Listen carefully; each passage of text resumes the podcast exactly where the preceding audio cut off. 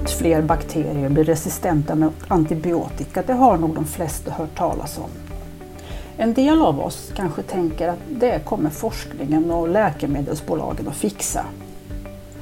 Andra är mycket oroliga och målar upp dystopiska framtidsscenarier där vi kommer kastas tillbaka till den mörka medeltiden när antibiotikan har slutat fungera. Men måste det bli så nattsvart även om vi skulle förlora antibiotikan? Eller kan man tänka sig en levbar framtid utan antibiotika? Och hur skulle en sådan framtid i så fall se ut? Just dessa frågor har elva forskare med olika bakgrund fördjupat sig i inom ramen för det tvärvetenskapliga temat postantibiotiska framtider som har utförts vid Pufendorf-institutet vid Lunds universitet. Till den här podden har jag bjudit in tre av forskarna som också har varit koordinatorer för det här projektet. Med mig, inte i studion, men via länk har jag Cecilia Lenander som är apotekare vid Region Skånes enhet för kunskapsstöd och också forskare vid Lunds universitet med fokus på äldres läkemedel. Vidare har vi Kristoffer Hansson, docent i etnologi och lektor vid Malmö universitet och som forskar bland annat om vad kriser gör med människors syn på framtiden. Och sen Henrik Lodin som är sociolog och forskare vid Lunds universitet med fokus på sjukvårdens förändrade förutsättningar och hur hälsa tar sig olika uttryck i samhället. Så välkomna alla tre. Tack. Tackar, tackar. Stort tack. Jag tänkte att innan vi börjar fördjupa oss i de här eh, jätteintressanta frågorna om en levbar framtid utan antibiotika så behöver vi nog en väldigt kort förklaring till vad är Pufendorf-institutet och eh, varför jobbar man med sådana här tvärvetenskapliga teman? Kristoffer? Ja, ja men Pufendorf-institutet är en, man skulle kunna se som en möjlighet. Där kan man söka med ett forskningsprojekt eh, som kan vara väldigt eh, grundligt. Man behöver inte ha några färdiga frågeställningar utan man kan testa sina, sina vingar helt enkelt eh, och se om de idéerna man har håller. En annan fördel med Pufendorf är också att det ska vara tvärvetenskapligt. Eh, man ska helst komma från tre olika fakulteter vid Lunds universitet. Så tittar man på vårt tema som vi hade mellan 2019 och 2020 så består ju precis som du sa av 11 olika forskare som alla kommer från olika institutioner och olika fakulteter. Så vi hade till exempel Rachel Irving som är antropolog. Eh, vi hade Linda Nyberg Alma som är statsvetare. Daniel Persson som är praktiserande arkitekt. Stina Glasdam som är docent eh, med inriktning mot omvårdnad. Anna Thunlid som är idé och lärdomshistoriker. Maria Wamrell som är folkhälsovetare och Jonas Frikstad som är läkare och Lars Norgren som är ekonom och forskare i health management. Så mm. det utgjorde liksom en, en, en bredd helt enkelt att ta sig an de här frågorna. Det är en stor bukett av experter låter det som tycker jag. Jag tänkte skulle fortsätta och fråga dig Kristoffer. Det är så att när vi idag pratar om antibiotikaresistens så är det ju ofta så att man de här diskussionerna antingen handlar om hur vi ska rädda den antibiotikan som vi har eller hur vi ska ta fram nya läkemedel, nya antibiotikum då, som, som kan ersätta de som slutar fungera. Men ni ville då undersöka en annan tanke om hur det skulle kunna vara en, om en levbar framtid utan antibiotika. Så jag undrar, kan du berätta lite mer, liksom, vad var det ni ville fördjupa er i och varför var det viktigt att göra det? Men vi tror ju eh, alla att just den här forskningen som bedrivs eh, när man tar fram nya antibiotika och där man tittar på de här naturvetenskapliga faktorn den är ju ytterst central och den är ju jätteviktig att den fortsätter. Men samtidigt så saknas det annan typ av forskning kring, kring det här som handlar just om hur man eh, visualiserar eller pratar om det här som ett hot och, och vad det gör med oss eh, individer när vi ska fatta beslut i vår vardag. Och då behöver vi titta på det här med tvärvetenskapligt. Vi måste titta på var vi har kommit ifrån, alltså den historia vi har med oss. Vad som händer här och nu i samtiden och sen blicka framåt. Och då var idén, vår, eh, vår djärva idé då att titta på det här begreppet levbarhet. Om det nu är så att antibiotikan slutar fungera eller minskar eh, att eh, vara verksam så som vi har den idag. Förändra det samhället på något sätt och vad kan vi göra istället? Eh, vad finns det för andra alternativ som vi skulle kunna, kunna ta till för att göra livet eh, levbart helt enkelt. Eh, och jag vet att du har, satt, du har ju, du forskar om vad kriser gör med människors syn och du har i tidigare projekt intervjuat ett antal personer som har fått besvara frågan om hur de ser på fram, en framtid utan antibiotika. Och vad är det för framtidsscenarier som de här personerna målar upp då? Det skiljer sig väldigt mycket åt. Eh, man kan ju se vissa mönster men för en del så är ju det här ett, eh, ett, ett eh, hot som man liksom ser som väldigt reellt och någonting som kommer komma. Och som man tänker att det kommer att försvåra det liv vi lever idag. Medan andra snarare ser det som att det här kommer naturvetenskapen och medicinen att fixa. Att det är egentligen ingenting man behöver eh, bekymra sig över utan det kommer lösa sig. Och att förstå den här skillnaden är viktig för hur vi kommunicerar och hur vi diskuterar de här frågorna. Också hur man fördelar forskningsmedel och vad är det man ska satsa på och liknande. Men tittar man på det materialet som, som vi samlade in eller som jag samlade in eh, också i relation till annan typ av forskning så kan vi ju se att möjligtvis är det så att en liten större andel eh, eh Eh, kvinnor är mer oroliga, eh, ser det här som ett större hot. Medan eh, något fler män snarare kanske då ser just, eller har den här bilden av att det här kommer lösa sig, det här fixar naturvetenskapen. Och det kan vara viktig kunskap att ha med sig i, i kommunikation till exempel utåt. Du menar att man skulle kommunicera olika då när man, kom, när man så att säga, tilltalar män och när man tilltalar kvinnor? Är det det du menar eller?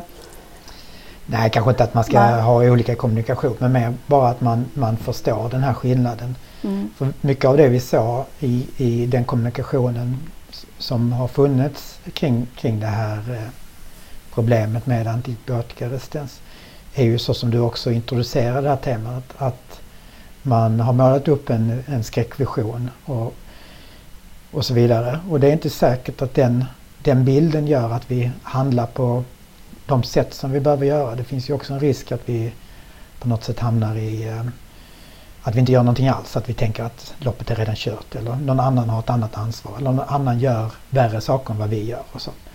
Att vi måste nyansera den bilden och faktiskt se allvarligt på den och, förstå hur, hur, hur, vi tänker och hur vi kommunicerar här och nu. Mm. Jag kan tänka mig att, att varken det här med så att säga, obotlig optimism och, och det här med att vara väldigt orolig är speciellt produktivt. Man kanske ska vara någon form av orolig på ett lagom sätt eller att man ändå har hoppet kvar att det, det går att göra någonting men förstår allvaret. Eller? Mm. Jo precis, att man, man, eh, att man känner ändå att, att eh, dels är det väl viktigt att man känner att de, de val man gör att de faktiskt har en, en påverkan. Det är ju lätt att man, det ser vi i pandemin nu och vi ser också det i relation till miljöhotet att mm. det är lätt att tänka att ja, jag kan väl gå och handla eller jag kan köra bilen. För jag, det är så en liten handling i det stora hela. Men vi måste förstå att vi är en del av den här helheten och just det där, det spelar också in när det gäller antibiotika. Mm. Att varje enskild handling blir till någon större helhet. Mm. Ehm. Så alla kan göra någonting men ingen kan göra allt? Kan man... Nej precis. Ja. Men också i relation till att eh, vi i vår tid har ju en förmåga att lägga mycket av ansvaret på den enskilda individen i både i hur vi kommunicerar hälsorisker och hur vi ska ta tag i miljö, miljöproblem och liknande. Att det också finns dimensioner i detta som handlar om större strukturella problem som vi kanske inte enbart kan lägga på individen utan också måste ta politiska beslut om och ha en politisk diskussion om på en högre nivå. Mm. Mm. Ja, jag tror att vi kanske kommer in på det lite senare men jag tänkte att då skulle om vi skulle titta på nuläget Cecilia, hur, hur, hur allvarligt är läget? Så det finns eh, rapporter som säger att ungefär 50 000 människor i Europa och USA dör årligen på grund av antibiotikaresistens eller inf av infektioner som inte går att behandla med antibiotika.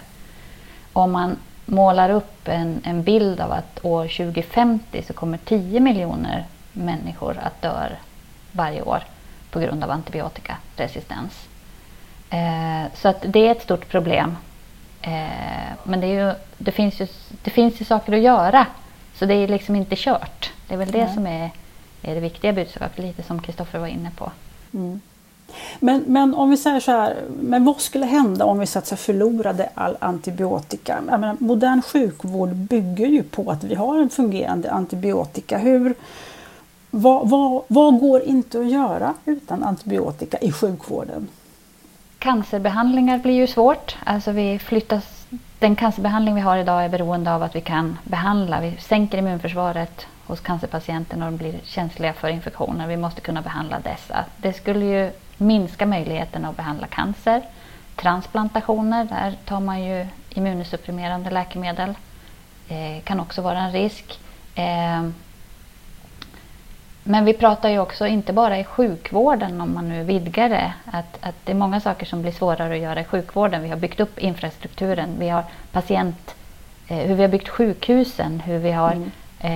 eh, många patienter nära. Så vi behöver ha, det har vi ju lärt oss nu av, av pandemin, att vi behöver mm. ha social distansering eller ja. distans mellan för att inte smitta. Precis, och det är ju verkligen så att sjukhusen nu är byggda för mm. att vi kan behandla mm.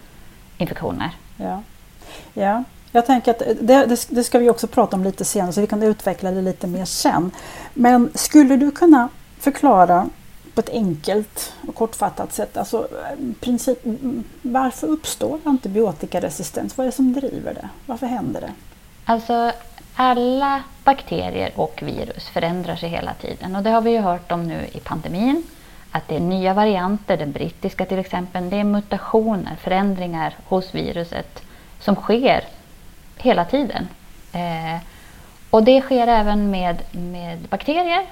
Och ibland så händer någonting som gör att de blir motståndskraftiga mot antibiotika. Resistens utvecklas. Och finns det ingen antibiotika i miljön så spelar det ingen roll. Men när vi tillför antibiotika så gynnas ju de här bakterierna med, med mutationen, med den här antibiotikaresistensfunktionen.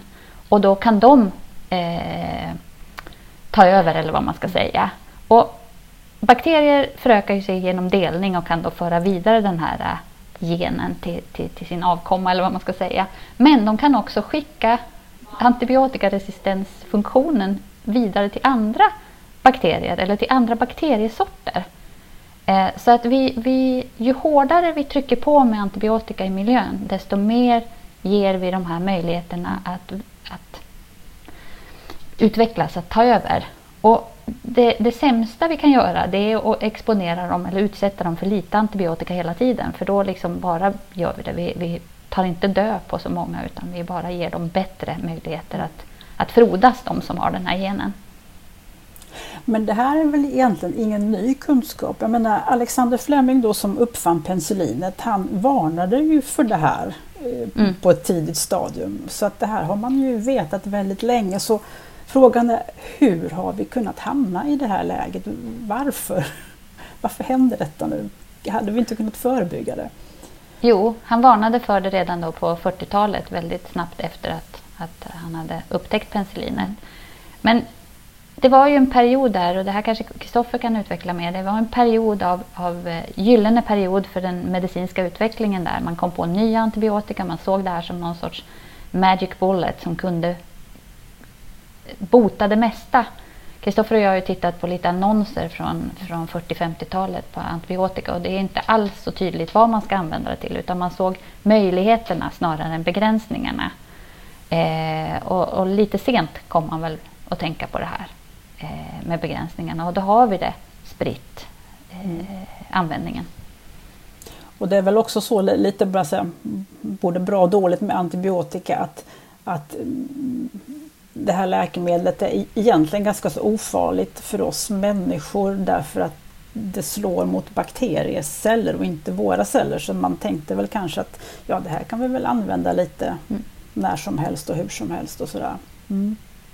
Men man har ju kommit mer och mer att liksom när man rubbar den här bakteriebalansen som finns i kroppen mellan goda och onda eller vad vi nu ska säga, mm. skadliga bakterier och goda bakterier, att det kanske har mer eh, funktioner som vi inte har koll på. Mm. Att, att, det pågår forskning där också. Så det kanske inte är ofarligt för oss med för mycket antibiotika av andra skäl. Mm. Att vi rubbar balansen. Ja. Men hur är det idag? För att som, om jag tolkar det rätt, så från början så använde man så att säga antibiotika som gärna stod mot så många bakterier som möjligt. Men det är väl inte så man använder den Nej. idag? Va? Nej. Eh, idag försöker vi vara väldigt noga med att välja det som kallas smalspektrum. Det som slår precis mot de här bakterierna. Som inte tar så många andra utan att vi ska försöka behålla möjligheten att slå mot just den här sortens bakterier. Eller en mindre grupp än att stå med stora kanonen. Liksom.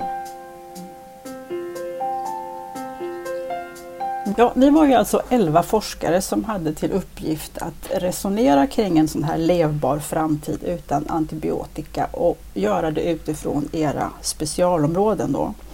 Och jag ska passa på att säga här också att det här temat då som ni jobbade med har ni sammanfattat dels i en rapport som heter Att leva med bakterier och den finns tillgänglig, då fritt tillgänglig som pdf och sen så har ni skrivit en populärvetenskaplig bok som heter Efter antibiotika som finns att köpa. Och all den här informationen och länkar finns på, på vår hemsida i anslutning till den här podden så att ni som lyssnar kan hitta eh, all information där. Men om jag nu ska vända mig till dig Henrik då. Du har tillsammans med en arkitekt, Daniel Persson, skrivit ett kapitel om beteendeförändringar. Och ni har tittat närmare på hur den fysiska omgivningen sätter ramar för olika beteenden, både sådana som uppmuntrar och sådana som försvårar. Då. Så jag tänkte be dig om du kan ge några konkreta exempel på just sådana här beteendeförändringar som skulle kunna bidra till en minskad smittspridning. Och du får gärna tänka både utifrån säga, dagens situation med, med, den pandemi som vi har och tänka framåt i tiden då är en, en framtid där antibiotika kanske inte fungerar. Så vad har du för, för exempel? Mm. Ja, vi har ju sett här i, rent historiskt så såg vi i mm, hur man byggde bostäder och hur man byggde, planerade städer framförallt tidigare Ehm, att man ehm, mer ehm, separerar på olika funktioner ju modernare bostäderna blev.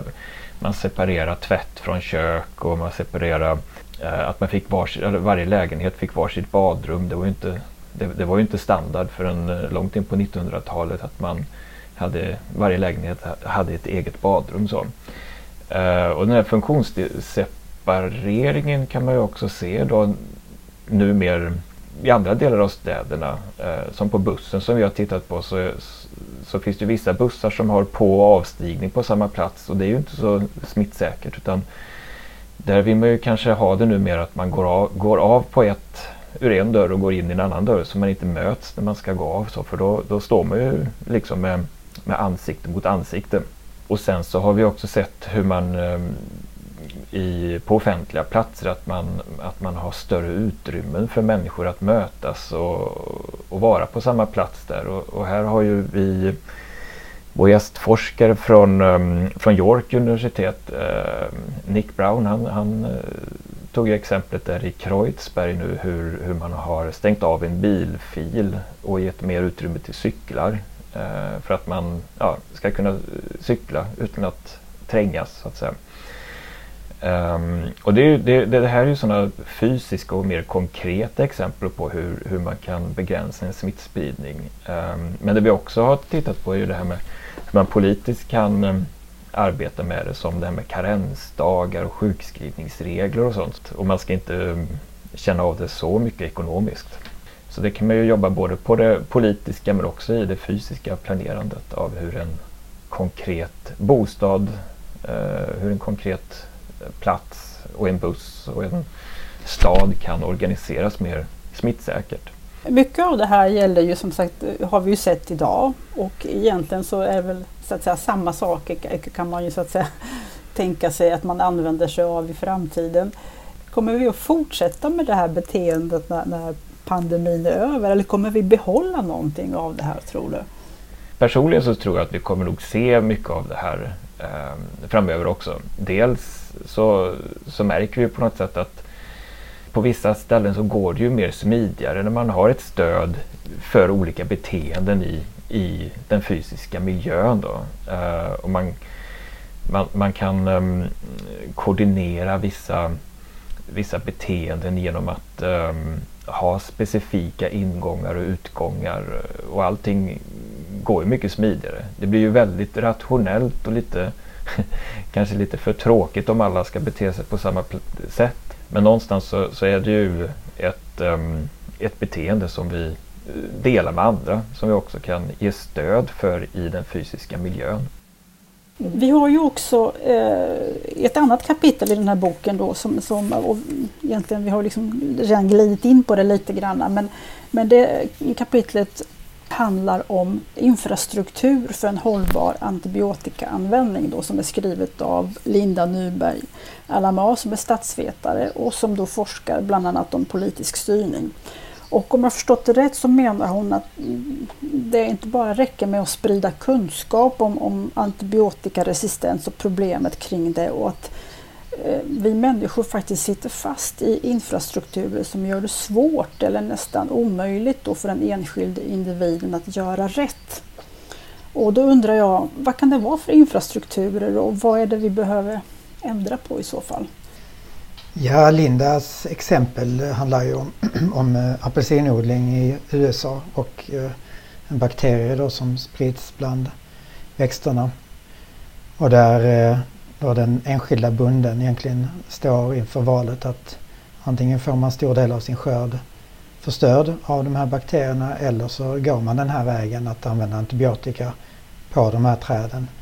Eh, då får man en fin skörd men å andra sidan så riskerar då samhället att förstöra den här möjligheten som antibiotikan har givit oss eh, med att just ta död på bakterier. Och där är, är ju ett sådant exempel där, där då den här jordbrukaren mer eller mindre blir intvingad i att, att då välja fel väg kan man väl säga. Det är väldigt svårt att ställa sig utanför helt enkelt, speciellt inte om man inte får något stöd. Så att det blir en konflikt här mellan det som Linda då pratar om, allmänningen, alltså det som är gemensamt och det som vi alla på något sätt ska vårda och ta hand om. Och det som är det privata då och eh, som då eh, snarare är en enskild vinst eller resurs. Så du menar att, eh, om jag tolkar det rätt, att den här bonden då kanske är medveten om att det egentligen inte är så bra att använda antibiotika men bonden behöver använda antibiotika för att inte gå i konkurs helt enkelt. Så det blir alltså den ekonomiska infrastrukturen då, alltså, som styr i fel riktning då, i det här fallet. Finns det fler exempel på sådana här infrastrukturer då, som på något sätt tvingar in oss i antibiotikaanvändningen? Och hur skulle en annan infrastruktur kunna se ut för att ta oss bort från det? Det finns ju någon lösningar som kommer, om man börjar den, den andra änden först, alltså lösningar som kommer för att tvinga bort oss från de här, de här felaktiga besluten. Eh, så tar man ju idag, finns det ju exempel eller försök i alla fall att man använder olika former av digital teknik. När man då gör olika former av ingrepp i, i sjukvården. Där man inför ett ingrepp då kan undersöka riskerna med att eh, eh, inte ta antibiotika och, och då eh, slippa använda antibiotika. Å andra sidan om man gör ingreppet så riskerar man då att, att skapa en infektion i, hos patienten. Och då kan man ha olika statistiska verktyg för det där som kan ligga till grund för själva beslutet. Och då har man ju liksom gjort ett stöd för läkaren eller sjuksköterskan att fatta det här beslutet. Att alltså man gör en riskanalys? För... Man gör en riskanalys fast den ligger då digitalt mm. eftersom den är väldigt svår att göra enskilt. Här, här lägger man då in sådana saker som vilka risker som finns på just det lokala sjukhuset och vilka patienter man har att göra med och sådär. Så det finns många olika parametrar. Eh, och det här är väl på utvecklingsstadiet än så länge. Men där kan man ju se ett sådant exempel där man försöker bryta ett mönster där man kanske normalt eh, använder sig av antibiotika just bara för att det är så man har gjort och man vet att det är säkert. Eh, och man vågar inte ta risken att patienten ska få en infektion.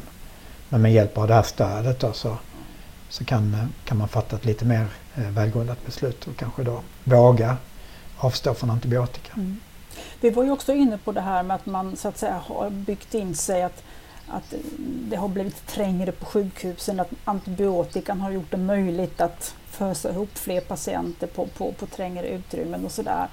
Medan man tidigare kanske byggde luftiga, luftigare paviljonger. Det ser man ju på gamla sjukhusområden att det är olika paviljonger och det är luftiga rum och sådär. Men håller det här på att ändra sig?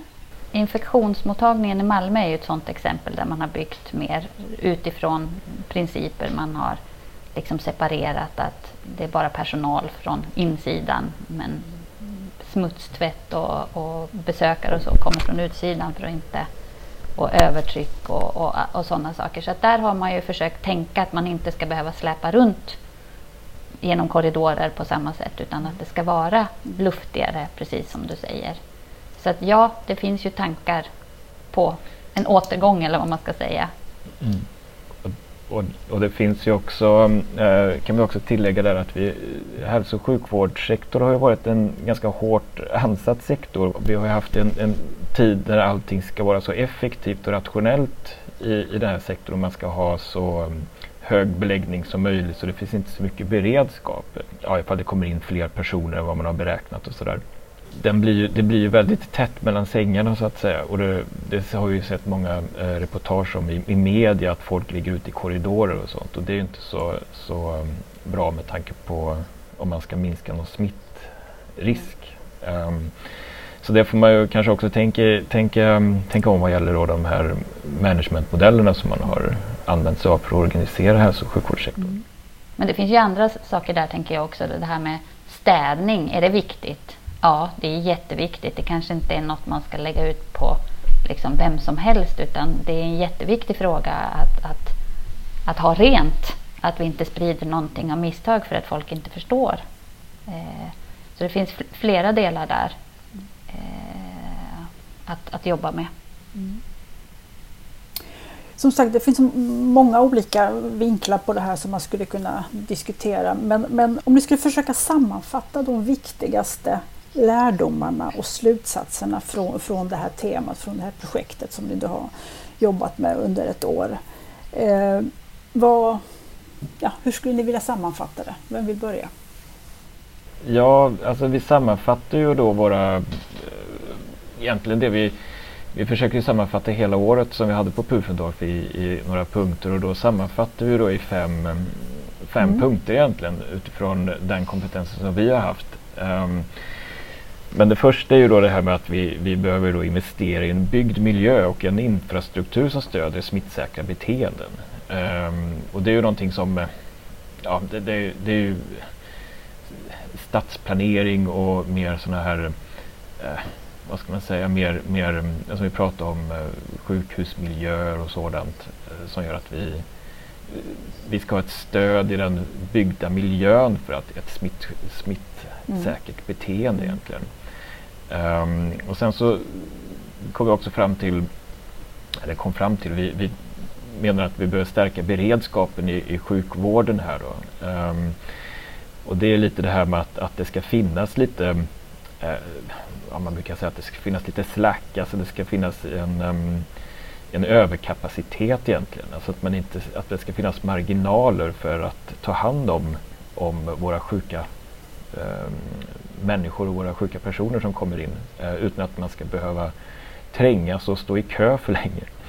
Eh, så det behövs ju lite ja, en beredskap, marginaler egentligen. Och det fungerar ju mer eller mindre som en försäkring för att samhället ska eh, kunna fortgå.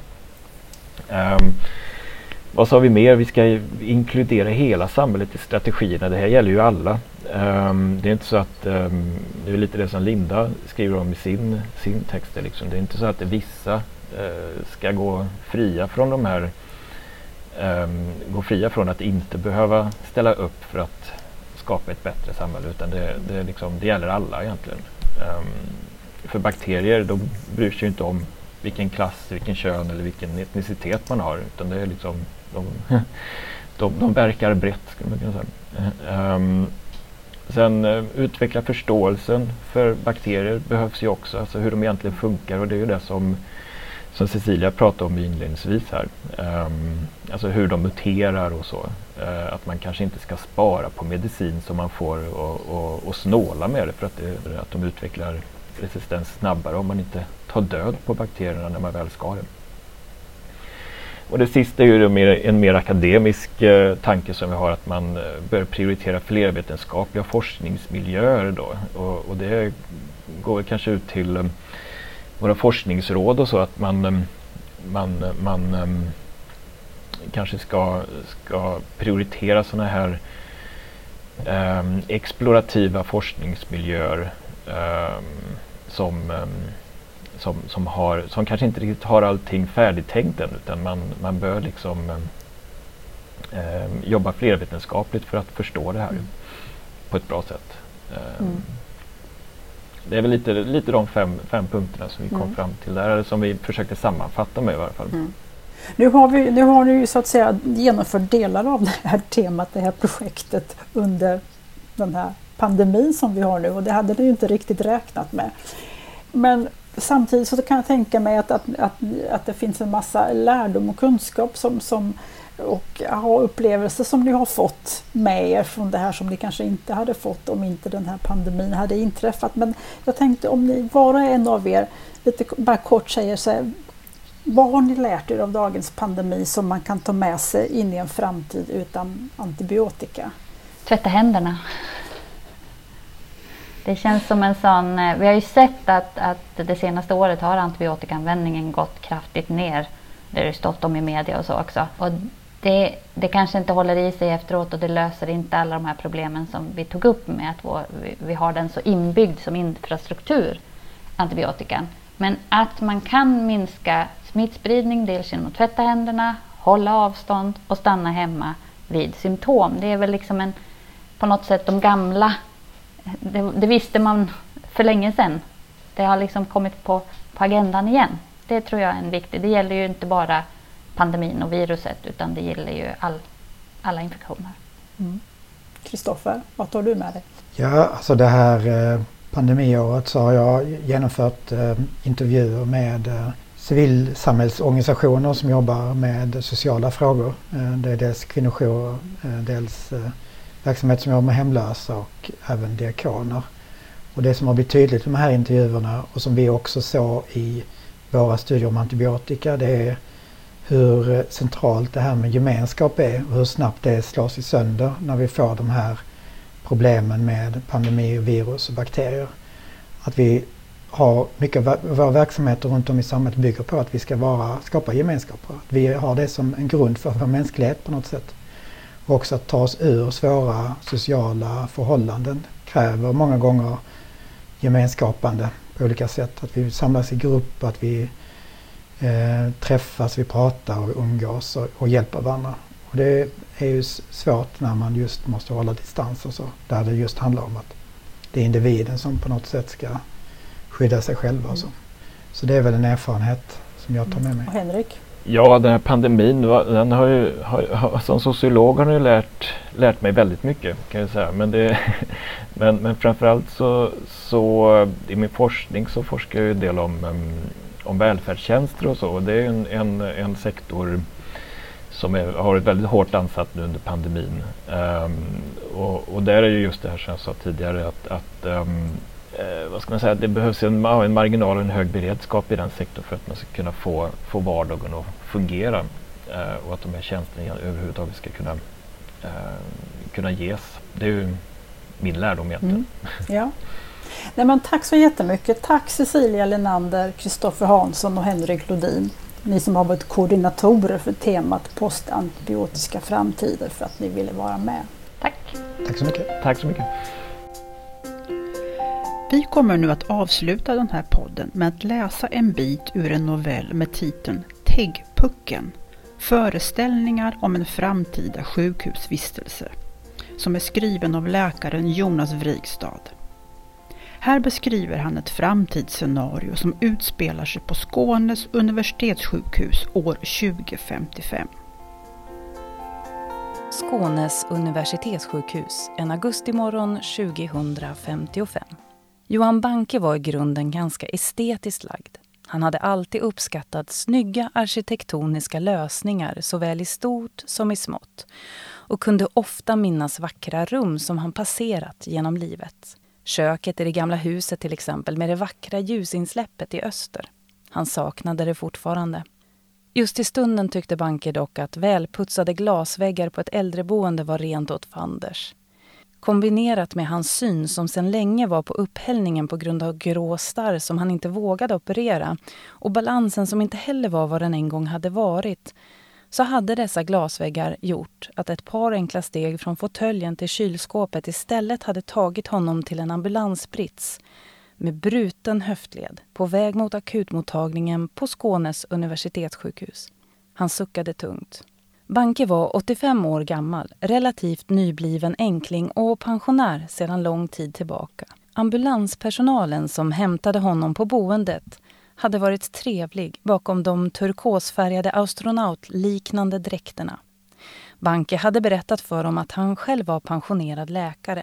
De hade svarat vänligt och samtidigt klätt av honom alla hans egna kläder och satt fast en liten svart sladdlös puck mitt på bröstkorgen. En teggpuck, noterade Banke. Intressant. Han hade aldrig haft tillfälle att bekanta sig med den på nära håll. Sedan hade de placerat ett plåster med långverkande smärtlindrande medicin på ena överarmen och lagt en värmefilt över honom. Med vana händer hade de sedan lyft ut honom från äldreboendet och lastat in honom i den turkosfärgade ambulansen där han nu befann sig.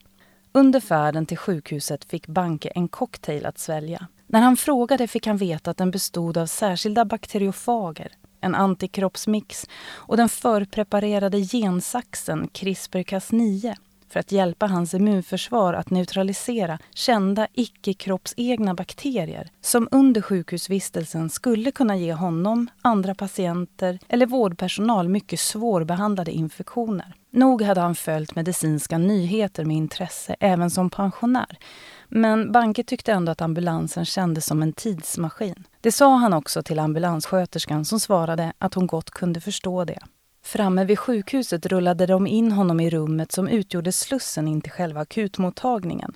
Inne i slussen, som var lika turkosfärgad som allt annat Banke hittills hade sett, fanns ingen vårdpersonal alls.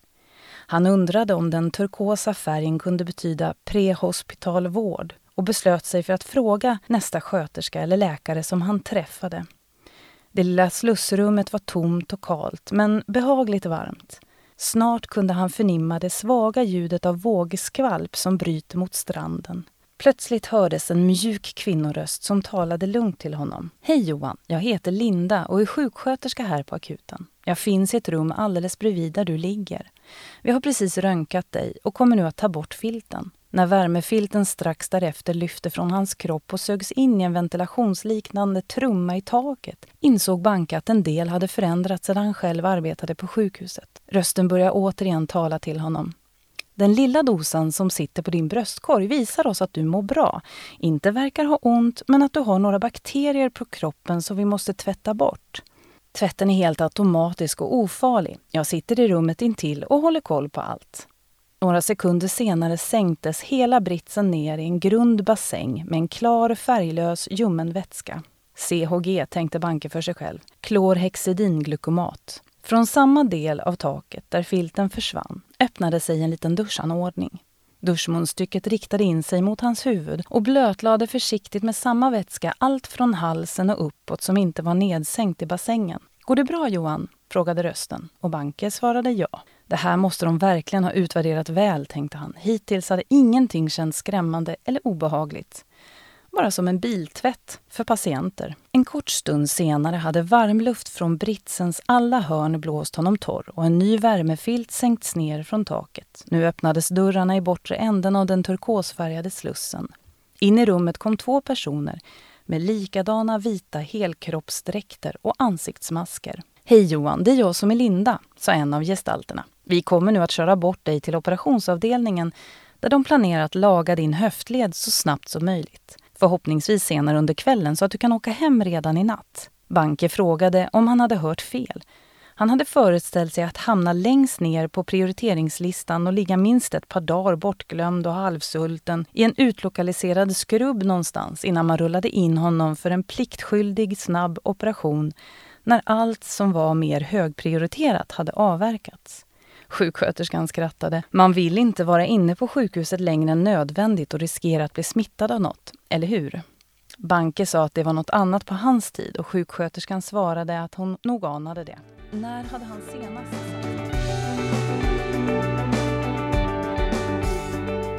Hela novellen hittar ni på vår hemsida i anslutning till den här podden. För uppläsning av avsnittet svarade Tove Smeds. På vår hemsida hittar ni också mer information om hela det tvärvetenskapliga projektet Postantibiotiska framtider.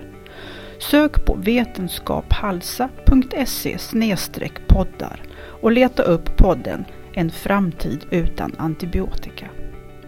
Tack för att ni har lyssnat.